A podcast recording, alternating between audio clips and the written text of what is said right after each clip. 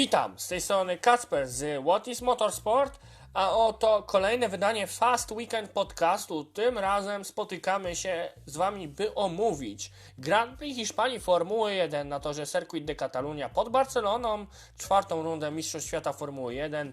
E, Również omówimy sobie E-Prix Monaco Formuły E, siódmą rundę e, elektrycznej formuły. Warto dodać, że E-Prix Monaco odbyło się po raz pierwszy na pełnej nitce torów w Monte Carlo, czyli na takiej nitce, jaką pokonuje m.in. Formuła 1 z maluśkimi modyfikacjami oraz e, sobie co nieco opowiemy o inaugurującej rundzie F3, e, gdzie wystartowali również młodzi zawodnicy, Także na torze Circuit de Catalunya towarzyszyli F1. Oczywiście e, wraz ze mną jest. Jacek z What is Motorsport.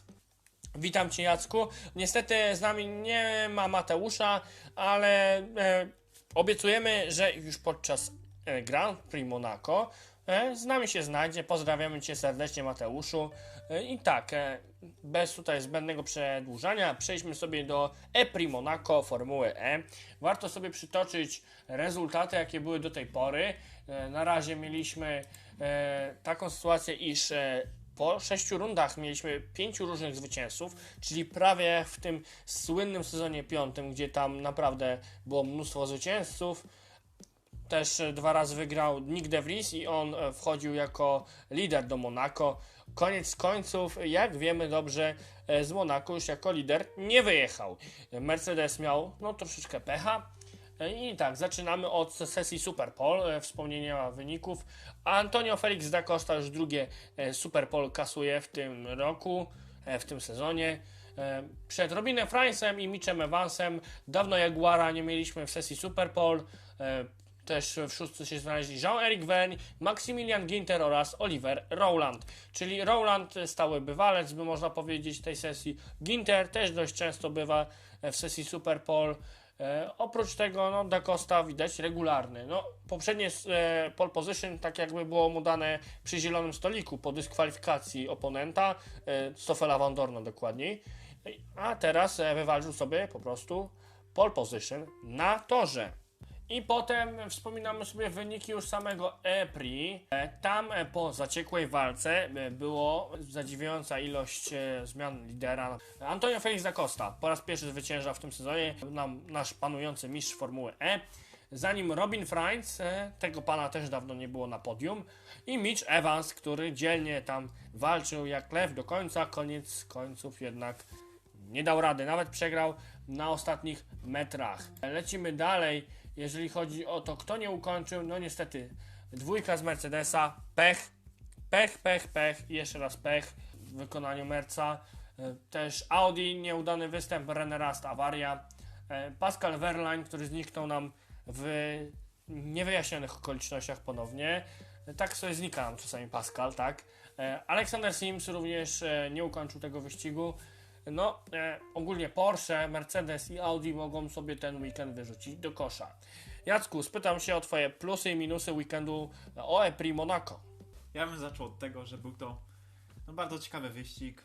Fajnie zobaczyć Formułę E na, na takim torze, który zawsze kojarzył się, no w, szczególnie w Formule 1, że wyścigi były tam nudne, bolidy jeździły jeden za drugim.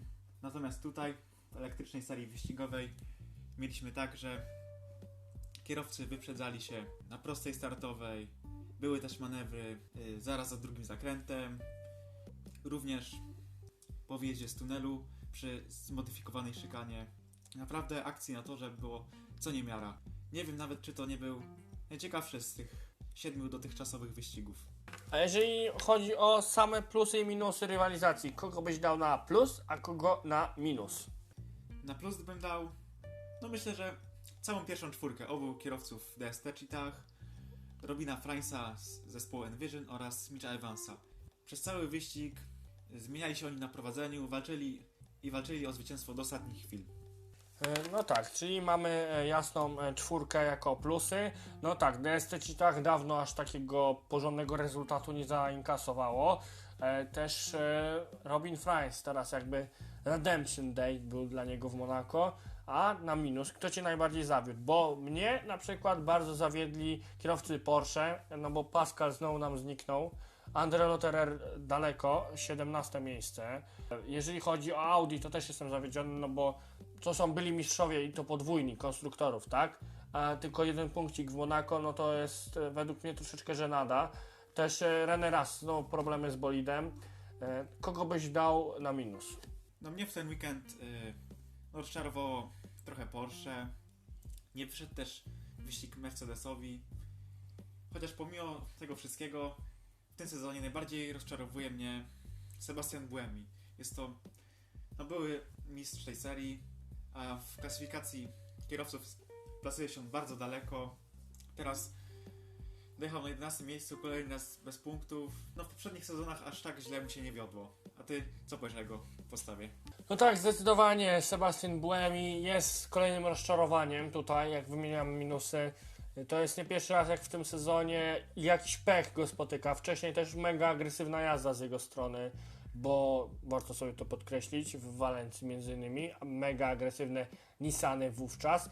No i y, jednak e, miejsce 11, gdzie jego zespołowy partner zajął miejsce punktowane, no to jest naprawdę rozczarowujące i też e, cały zespół Nissana chyba można sobie ująć też taki, taki minus, bo można e, byłoby się od nich spodziewać nieco więcej.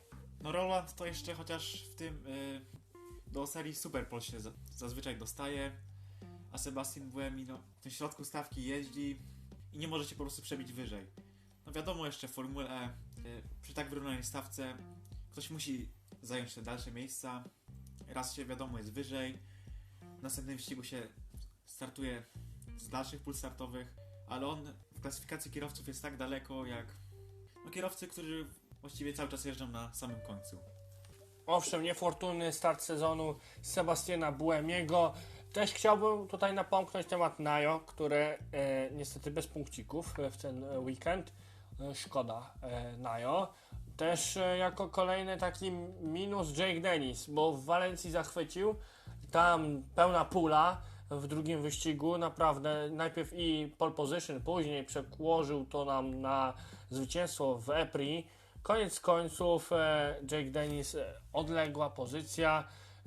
Też po małym incydencie na starcie wyścigu P16, no gdzie Maxi Ginter m, e, w czołowej piątce się znalazł e, w wyścigu, no to można było zdecydowanie e, wymagać więcej od e, Denisa.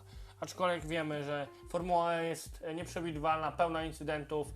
Wiemy, że później stawka w kwalifikacjach jest dziwnie wymieszana w tych grupach, gdzie się walczy o pole position, więc naprawdę czasami tak bywa. Czasami tak bywa w tym zawirowanym świecie Formuły E. No często tak mamy, że no nawet gdy mamy podwójne rundy, to w pierwszym wyścigu kierowcy, którzy, którzy walczą o czołowe pozycje, na następny dzień potem od razu startują właściwie z końca stawki.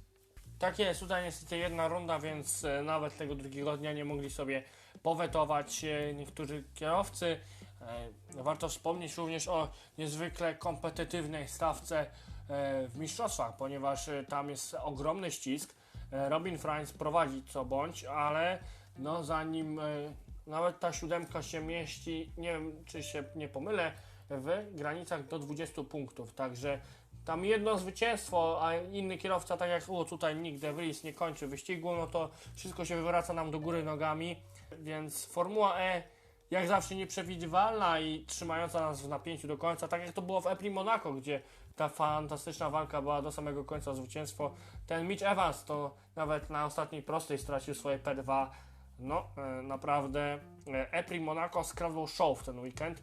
E, Jacku, spytam się o Ciebie o Driver of the Weekend. Kogo byś wyróżnił z całej stawki Formuły E jako takiego kierowcę weekendu? Wiemy, że Da Costa wygrał i moim kierowcą takim weekendu jest właśnie Antonio Felix Da Costa, no bo wygrał, tak? I przez wyścig był w stanie wywalczyć jednak to zwycięstwo, bo to nie było zwycięstwo flag to flag, jak to opowiadają, tylko tam Da Costa spadał, też poprzez atak mode również e, no, musiał nadrabiać. Koniec końców na ostatnim kółku e, zdołał wywalczyć to zwycięstwo. Ja również się z Tobą zgodzę. Antonio Felix Zakoszta zasługuje na to wyróżnienie. W ogóle nieczęsto się zdarza, żeby w Formule E kierowca, który zdobywa Superpol, odniósł zwycięstwo w wyścigu. A już wracając do samej jego jazdy podczas wyścigu, no walczył tam przez, właściwie przez cały wyścig. Z trzema, no, przez chwilę nawet z, z czterema kierowcami. No i na koniec, po wyjeździe z tunelu, ten jego spektakularny manewr, manewr y, gdzie wyprzedził y, Mitcha Evansa. No już jakiś czas nie mieliśmy takiej sytuacji, że y, zwycięstw, walka o zwycięstwo rozstrzyga się na ostatnim okrążeniu. No, że tutaj masz na myśli na pewno sportowej walki, bo pamiętam pierwsze Pri Walencji, gdzie no tam był wyścig o kropelkę, tak jak to powiedział pan Grzegorz Gac. Pozdrawiamy pana Gaca. Koniec końców e, tutaj nie było wyścigu o kropelkę, to na szczęście wszyscy energię dobrze zachowali i e, no e, mieliśmy walkę normalnie wręcz na torze na ostatnim okrążeniu. Jeżeli chodzi o dzbana weekendu, to koło wyróżniamy. Jako dzbana weekendu mianował tutaj cały zespół Mercedesa. Prowadzili oni w klasyfikacji konstruktorów przed tym weekendem. Do- Do Monaco Nick De Vries przy- y, przyjechał też, będąc na pierwszym miejscu w klasyfikacji kierowców. A tutaj no nawet nie udało im się walczyć pojedynczego punktu. Mało tego, nawet nie dojechali do met- mety. Tutaj oba samochody musiały wycofać się z rywalizacji. Tak, no zdecydowanie Mercedes EQ e, się zbłaźnił, no bo e, tak, dwa DNF-y, e, przy czym Stoffel miał incydent, Nick De Vries, no niby tam nie było tego incydentu, czy tam, no po prostu odpadł tak, tak, ale zero, zero punktów, zero euro, zero złotych w wykonaniu Mercedesa w Monako i e, taka jest właśnie rywalizacja Formuły E. Raz jesteś na topie, raz jesteś na absolutnym dnie, i Mercedes jest tego jak najlepszym przykładem tego powiedzenia w Formule E. Zobaczymy, co będzie ze Stoffelem i Nickiem w E-Prix Meksyku, który nam nadchodzi w czerwcu, bo tam na pewno będą chcieli się odgryźć za tą e, rundę w Monako nieszczęsną dla nich, no bo walczą w końcu o mistrzostwo, mistrzostwo świata Formuły E, e, w, e, w klasyfikacji i konstruktorów i kierowców. E, Jaguar tutaj nadrobił, także nie będą chcieli być dłużni Jaguarowi. A teraz przechodzimy do rywalizacji niezwykle również zaciętej w Formule 3. Przechodzimy już na to Circuit de Catalunya, gdzie tak, po raz pierwszy była Formuła 3 w tym roku. Lekko niezmieniona stawka, wiemy, że ci lepsi kierowcy poszli do F2 albo gdzieś indziej wyfrunęli po prostu. Mamy troszeczkę nowych twarzy, ale stare twarzy też zostały. Tutaj szybciutko wymienimy sobie, kto powygrywał. Pierwszy wyścig wygrał Alex Smoliar przed Klementem Nowalakiem i Kajo Koletem z MP Motorsport. E, drugi wyścig e, zakończył się zwycięstwem Oliego Caldwella. Tam dwie kraksy, bo Enzo Fittipaldi z Davidem Schumacherem, też e, później Matteo Nanini i Denis Hauger się zderzyli ze sobą. Koniec końców trójka to Oli Caldwell, Victor Martens i Frederic Vesti. Oni jechali cały czas za tymi kierowcami, który wcześniej wymieniłem. No i koniec końców, jak tam ci mieli kraksy, najpierw jedna dwójka, później kolejna, no to ci bezpiecznie po prostu dojechali do mety. Aczkolwiek e, Martens e, miał e, taki no, szaleńczy atak na Caldwella na ostatnim okrążeniu, gdzie tam w pierwszej szykanie nawet poza torem próbował łykać Caldwella. Koniec końców Martensowi się to nie udało i szczęście, bo tam mogło się nawet skończyć wypadkiem. I ten najnudniejszy, jak to fani okrzyknęli, wyścig trzeci, niedzielny, gdzie wygrał Denis Hauger, czyli zdobywca pole position w piątek, Jack Duan, czyli syn słynnego motocyklisty Mika Duana na P2 i Matteo Nanini na P3. Nanini, który walczył i walczył to to podium i w końcu w trzecim wyścigu to podium wywalczył, więc brawa dla niego. W ogóle Matteo Nanini, taka ciekawostka, się ściga i w F3 i w F2 w tym roku, w tym samym zespole HWA Race Lab, także e, czapki z głów dla młodego Włocha, bo z pewnością obowiązki podwójne, no to duże wyzwanie dla niego. A widać, że jednak w Formule 3 e, w tym swoim już drugim sezonie w tej rywalizacji sobie radzi zdecydowanie lepiej. E, Jeżeli chodzi o mój plus i minus weekendu, zdecydowanie minusem weekendu będzie David Schumacher, który e, mógł wywalczyć nawet zwycięstwo, a tylko wywalczył kraksę w wyścigu drugim. Całe te inbyk, jakie były w wyścigach 1 i 2, też na minus, no bo koniec końców, no lubimy jak jest troszeczkę szału w młodych seriach, gdzie tam jest zamieszanie, lubimy sobie pokręcić bekę, oglądać czasami niektóre efektowne jakieś krasze, ale bez przesady, tak? A tutaj troszeczkę kierowcy F3 tak tyci przesadzili. E, Mały minus również przy nazwisku brata Charlesa Leclerca, Artura Leclerca, który no odległe pozycje z pewnością e, nie rokują dobrze. E, Na plusik zdecydowanie wyniki Juana Manuela Correi, który wrócił po okropnym wypadku. Nawet punkty pierwsze zdobył w wyścigu numer dwa, także z pewnością brawa dla niego i trzymamy kciuki za dalszy powrót do rywalizacji młodego Amerykanina. Z pewnością plusikiem również będzie Clement Nowala, który w porównaniu do poprzedniego roku tutaj naprawdę dobrze rokuje. Również na plusik Denis Hauger, pomimo incydentów w wyścigu drugim, to jednak trzyma fasą przez ten weekend. Jack Duan e, pozytywnie także zaskoczył. Mateo Nanini, no to z pewnością też e, mega pozytywne e, tutaj zaskoczenie, ale jednak jako taki driver of the weekend Oli Caldwell moim zdaniem. Oli Caldwell, który unikał kontaktów, jechał spokojnie, zdobył zwycięstwo w wyścigu numer dwa, jest obecnie wiceliderem generalki, ale według mnie to może być cichy faworyt do mistrzostwa ze względu, że kierowca Premy po prostu unika kontaktów z przeciwnikami. Też e, tak troszeczkę się wyróżnił w moich oczach e, Victor Martens, młody Francuz junior Akademii Alpin. E, taki troszeczkę agresor na torze, aczkolwiek agresor z czasami zimną krwią, bo wie kiedy zaatakować, więc warto na tego młodzieńca również zwrócić uwagę. I koniec końców, jako taki e, dzban minimalny F3, e, ja bym nominował e, co bądź jednak e, kierowców, którzy zrobili te inby w wyścigu numer dwa. No bo tam e, mogliśmy zobaczyć albo Fittipaldiego jako zwycięzcę, albo Davida Schumachera, albo Naniniego, albo Haugera. Koniec końców cała czwórka się wykoleiła, więc cała czwórka z wyścigu drugiego nadzbana. No jak można stracić zwycięstwo e, prowadząc, tak można się pozabijać wręcz na torze. No, niewybaczalne. No i lecimy do Grand Prix Hiszpanii Formuły 1. Tutaj rywalizacja generalnie mówimy zaraz się rozkręci, bo wiemy, że w Hiszpanii zazwyczaj mamy procesję w maju.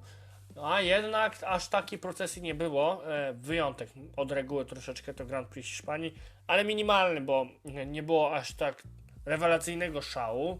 E, warto sobie wspomnieć e, też wyniki na samym początku.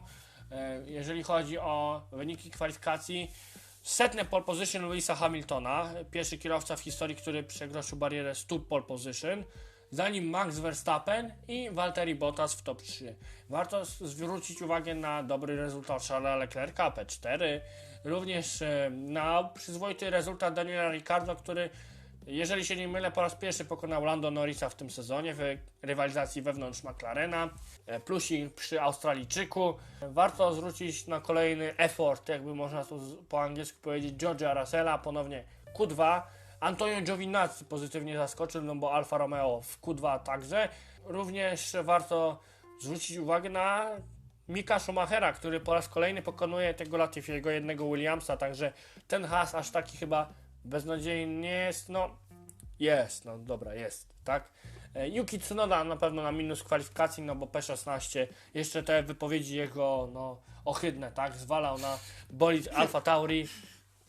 Teraz Jacek się śmieje w tle, no tak, ohydne wypowiedzi, bo no tak się nie robi, ale o tych wypowiedziach Yukiego Tsunody z pewnością więcej poruszę w beczce F1, zapraszamy do oglądania tej naszej innej serii na naszym kanale.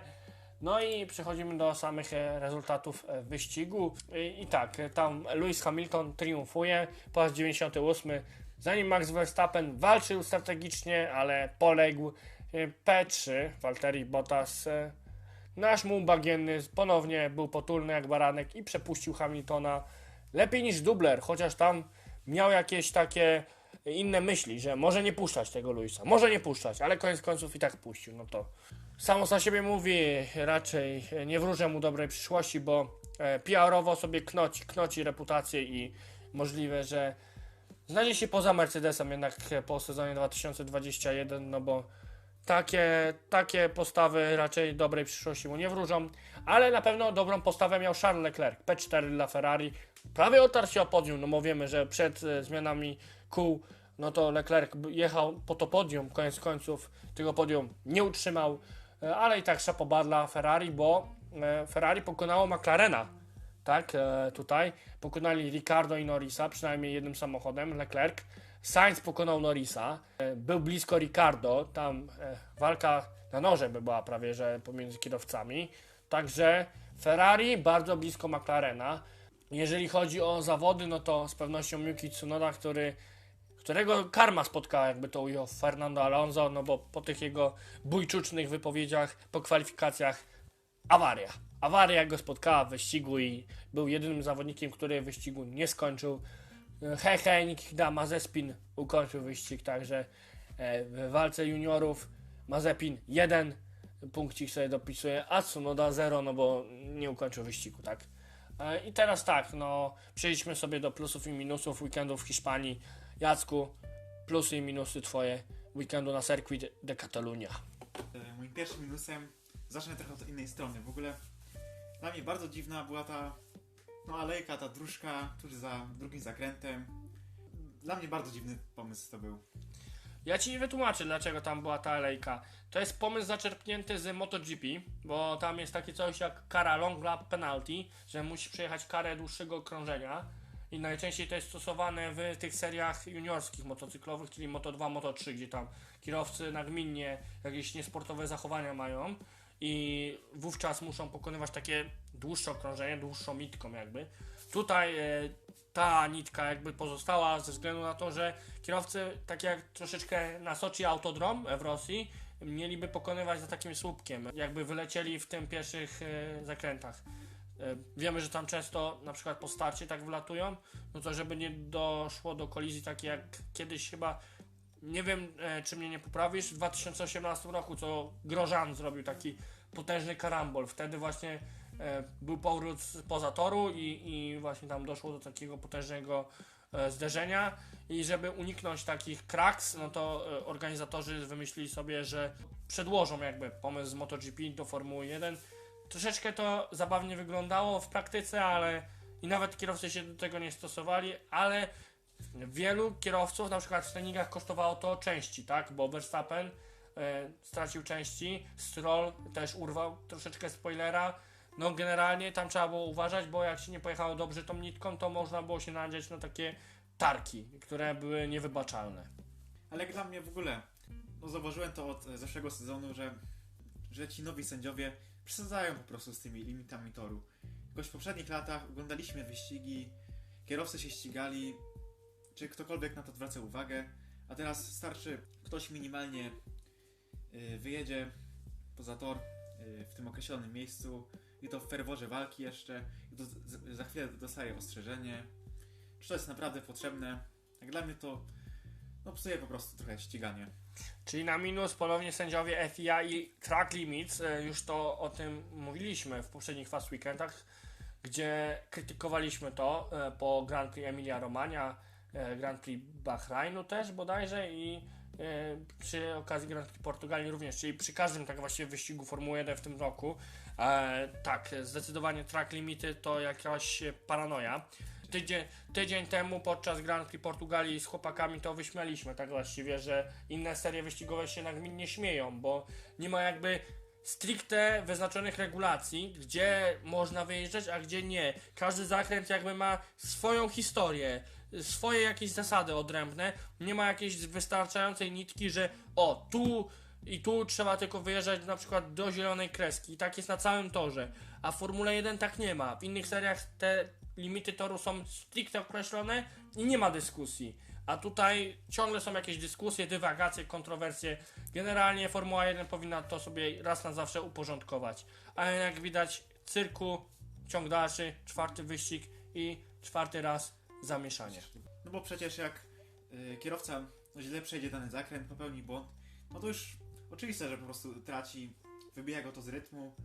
A tutaj jeszcze, no jak dla mnie w Hiszpanii było to widoczne i chyba tutaj na przykładzie y, Lensa Strolla, który tam no po prostu wyjechał minimalnie poza tor i zaraz y, ostrzeżenie dostawał. No nie no, jak dla mnie nie powinno tak być. Yuki Tsunoda też dostawał ostrzeżenia. No tak, e, generalnie bardzo, bardzo kontrowersyjne track limity. I tak, e, to jest na pewno ogromny minus od nas, e, co będzie na takim pozytyw, bo trzeba też pozytywów szukać. Ja na przykład jako pozytyw e, wyrwę się przed szereg, e, dam Ferrari. Ze względu, że Leclerc faktycznie to P4 było solidne, byli taką zdecydowaną trzecią siłą stawki jednak, bądź co bądź, w weekend w Hiszpanii. Sainz troszeczkę jeszcze do poprawki, ale ten Leclerc naprawdę solidnie. Wiemy, że jeszcze to nie jest perfekcja, nie to co oni chcą. Wiemy, że tak właściwie po tym pit stopie, no to e, podium odjechało w siną dal. Nie miał w ogóle szans powalczyć o podium z pozycji czwartej z Bottasem. I Cały czas jest, są srogie lekcje do odrobienia. Koniec końców jednak e, patrząc gdzie byli rok temu, a patrząc gdzie są teraz, to jest ogromny plus. E, Jako inny plus e, z pewnością dam Alpin, bo Alpin e, robi poprawki, e, robiło poprawki już w poprzednim Grand Prix i zrobili teraz, bo Ocon ponownie w punktach, o Alonso tam problemy w końcówce, ale cały wyścig generalnie Alpin się trzymał w tej dziesiątce, także e, warto to podkreślić i że Alpin pnie się w górę. O tym nie możemy powiedzieć tutaj w przypadku Astona Martina, gdzie e, zawodzą, e, również zawodzi Alfa Romeo, nie wspominając o Hasie. Alfa Tauri też takie mizerot, mizerotne, bym powiedział, w ten weekend, także na plus z pewnością Alpin. E, Jacku, co byś dał na ten pozytyw? Tylko zanim przejdziemy jeszcze do pozytywów, chciałbym jeszcze jeden minus dodać. A proszę bardzo. No to może nie będzie się to odnosiło no, do samego wyścigu, tylko do kwalifikacji. No mnie y, po- denerwuje mnie wręcz po prostu czasami, że tam y, zespoły czek- czekają tak długo zanim i wypuszczają kierowców na ostatnią chwilę. Ten czas się zaraz kończy. No i tutaj w tym przypadku Fernando Alonso nie, nie zdążył dograć odpowiednio opon, przez co uzyskał dziesiąty czas okrążenia drugiego okrążenia pomiarowego nie zdążył przejechać też Daniel Ricardo. No jak dla mnie, co szkodzi mm, zespołom wypuścić ich wszystkich y, 30 sekund szybciej. Przecież wszyscy się przepuszczają, szukają sobie miejsca, muszą odpowiednio przygotować to okrążenie, dogrzać opony. A tutaj y, taka sytuacja. No takie sytuacje to mamy cały czas od Moncy 2019, jeżeli dobrze pamiętam, gdzie właśnie to jest takie, e, jak to, e, nie wiem kto to powiedział, chyba Ross Brown, e, takie czekanie, kto szybciej, nie, przepraszam, Christian Horner. Christian Horner powiedział, że to jest takie, tym bardziej w Q3, no bo Q1, Q2 to jeszcze takiego czegoś nie ma, ale Q3 to jest takie, kto szybciej mrugnie okiem, takie 10 kierowców patrzy na siebie, tak jakby siedzieli w jednym pomieszczeniu i zabawa, kto szybciej mrugnie, i e, ten, kto szybciej mrugnie, ten przegrywa. No i no takie gorące krzesła troszeczkę mamy tutaj w Q3 już od dłuższego czasu.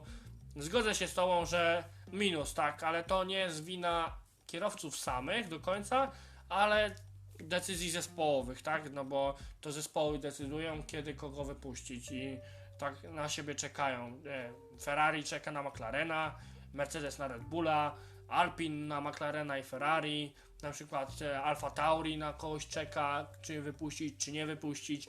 No i generalnie każdy o coś walczy i chce być tym ostatnim, który zakończy sesję na, na to Q3, tak? A na przykład w przypadku Mercedesa i Red Bulla, no to w ogóle oni na siebie patrzą, tak?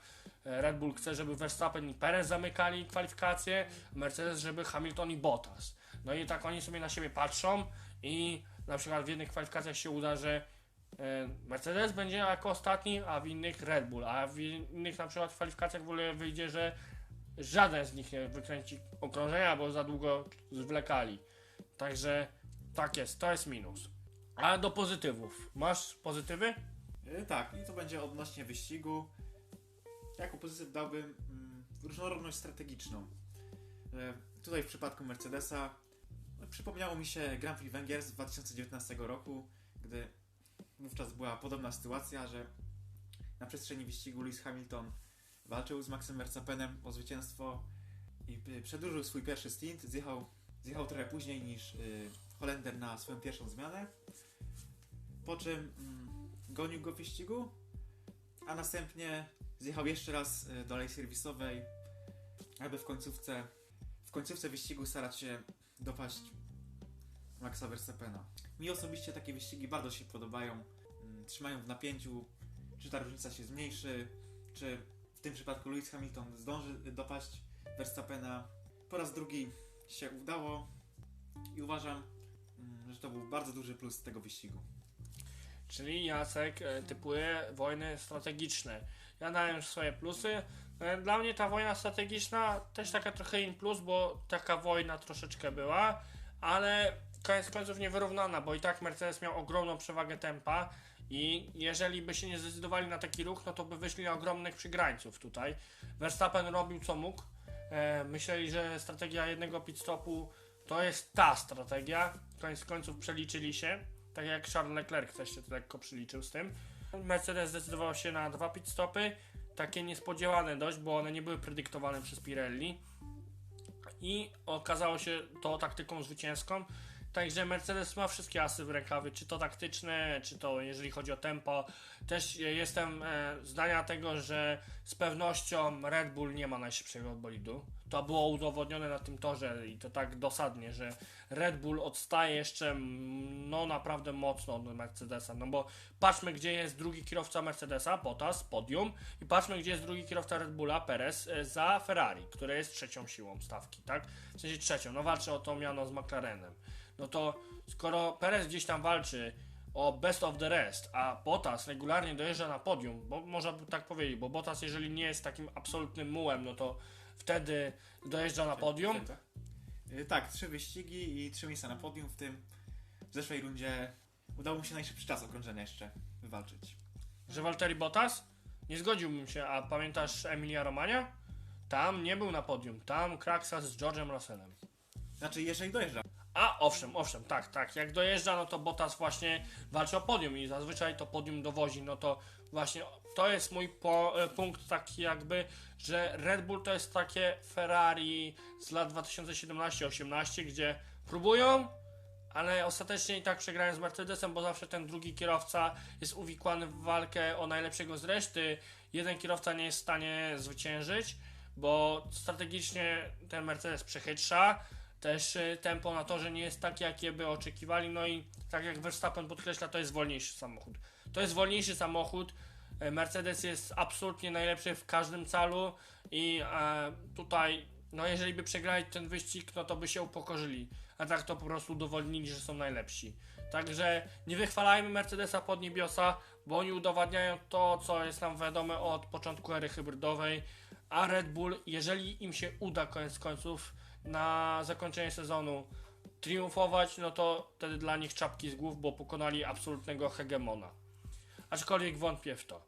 Jasku, masz coś jeszcze do dodania? No ja chciałem jeszcze wrócić do tego, no że podobało mi się, że w, w tym wyścigu, no i może zaobserwowałem też, że coraz częściej się to zdarza, że no kierowcy zjeżdżają częściej do alei serwisowej. No i jak dla mnie to się no zdecydowanie lepiej ogląda. I tutaj na przykład było oczywiste, że no Bottas już dojedzie przed tym Leclerciem, no ale jeszcze zjechał, potem y, nowy komplet opon, potem wyprzedził, na to, że coś dzieje, potem następnie zjechał Perez, walczył o najszybszy czas okrążenia. No i właściwie do ostatniego kółka na to, że jest yy, no co oglądać, a nie, że po prostu ki- kierowcy no coś wydarzyć się może na starcie albo podczas pod, y, podcięcia przy tym jed- jednym pit stopie i tak właściwie no jeżeli kierowcy nie powalczą y, bezpośrednio ze sobą o pozycję, to właściwie w wyścigach się nic nie dzieje, a szczególnie zauważalne to było na takich torach jak właśnie Hiszpania. No tak, e, zdecydowanie tutaj więcej rywalizacji tutaj wprowadziły te podwójne zmiany i e, dzięki temu cieszymy się z tego, bo lekko te wyścigi są bardziej interesujące.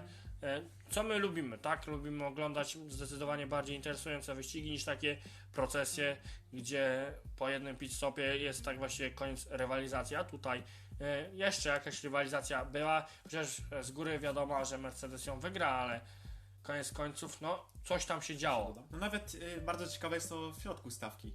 Kierowcy mm, McLarena, Ferrari zjeżdżali na swoje kolejne pit stopy, no i y, przebijali się w, w górę stawki. Owszem, przebijali się i e, to też warto zwrócić uwagę na Carlosa Sainza choćby, który tam naprawdę łykał tych A kierowców. Alpin chyba na jeden pit stop, nie? Y, Pojechało, nie? Alpin.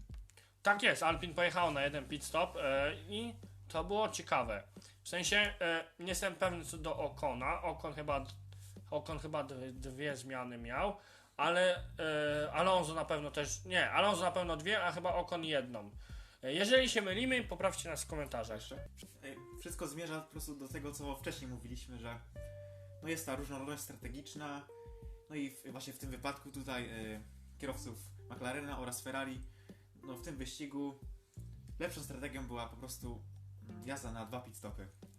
Owszem, co było troszeczkę takie nieprzewidywalne i po części nawet ok.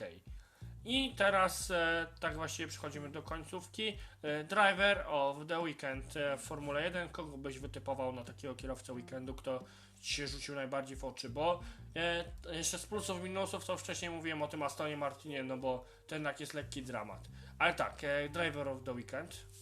Kierowcą weekendu jest dla mnie. No i tutaj myślę, że raczej zdecydowanie Lewis Hamilton. Walczył setne pole position. Wyścigu też naprawdę dał z siebie wiele. Też przypomnijmy, że po starcie on nie prowadził, próbował różnych rzeczy. No i tutaj, tak jak wspomniałem, wygrał wyścig w podobny sposób jak Grand Prix Węgier w 2019 roku. Ciekawy wybór. E, Ja jednak pójdę w co innego. Dla mnie jednak kierowcą weekendu był Max Verstappen. E, Taki, taka wojna tutaj troszeczkę. E, Bym dał generalnie Charlesa Leclerca, ale później nie miał jakby szans powalczyć z Bottasem. Szkoda. E, Dam Verstappena ze względu, że pomimo, że był w kompletnie przegranej pozycji, patrząc na rezultaty z piątku, to nawet się rokowało, że Red Bull będzie miał gorsze tempo wyścigowe niż Ferrari. E, W kwalifikacjach nie było najgorzej, przedzielił tego Red, Bu- e, Red Bulla, przepraszam, Mercedesa. No i na starcie coś tam ugrał, próbował walczyć strategicznie z Mercem. Koniec końców jednak przegrał, ale czapki z głów, e, plus jeden punkcik za najszybsze kółko. I e, wydaje mi się, że Verstappen na pewno jest takim czarnym koniem sezonu, co bądź, bo e, nie spodziewaliśmy się, że aż tak blisko będzie Mercedesa, a cały czas próbuje podjąć tą rękawicę. E, Na razie mało skutecznie, ale miejmy nadzieję, że może jeszcze mu się uda jakoś zawalczyć. E, Dzban weekendu. A może wyróżnimy jeszcze po jednym kierowcu, jednym kierowcy takim y, no, ze środka stawki. Środka stawki, czyli traktujesz też od Ferrari i McLarena. Tak, tak. No to ode mnie poleci wtedy Charles Leclerc, no bo zdecydowanie się najlepiej wyróżnił, no bo best of the rest, tak? Czwarte miejsce. Ja bym z kolei wyróżnił tutaj Daniela Ricardo. Był to, jed, e, był to jeden z jego, no nie wiem, czy nawet nie, nie najlepszych weekendów po przesiadce do McLarena.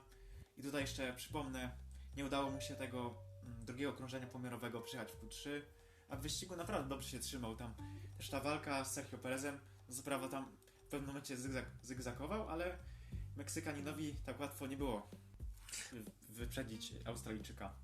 Owszem, no i Ricardo e, z pewnością też taki plus, no po raz pierwszy też pokonał Norrisa, warto po- podkreślić, bo i w wyścigu i w kwalifikacjach. Tak, a Lando Norris no, ostatnio naprawdę był w bardzo dobrej formie. No, czyli tym bardziej na plus Ricardo. E, Jeżeli chodzi o właśnie dzbana weekendu, kogo byś wyróżnił? Ja bym dał Yukiego Tsunodę i w ogóle tutaj bym z tym nie dyskutował, bo jego absurdalne wypowiedzi po kwalifikacjach, e, awaria w wyścigu, później przepraszał, generalnie zamieszanie z Japończykiem, bigosu co nie miara, także chyba Tsunoda, bo nie widzę, żeby ktoś inny się aż zbłaźnił. Tak? No oprócz tego Botasa, który po raz kolejny pokazał, że jest mułem bagiennym, tak? Ale e, Tsunoda, nie?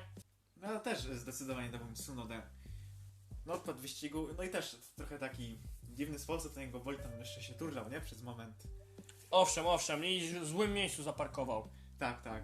No a te wypowiedzi jego po kwalifikacjach, co tam narzekał na bolid i w ogóle reaguje w taki bardzo agresywny sposób od y, początku sezonu. No klnie jak szewc. Mm. Dziwne jego wypowiedzi, w ogóle mówi, że wolałby najpierw y, że popełniać te błędy. A później jakby się z nich wycofuje.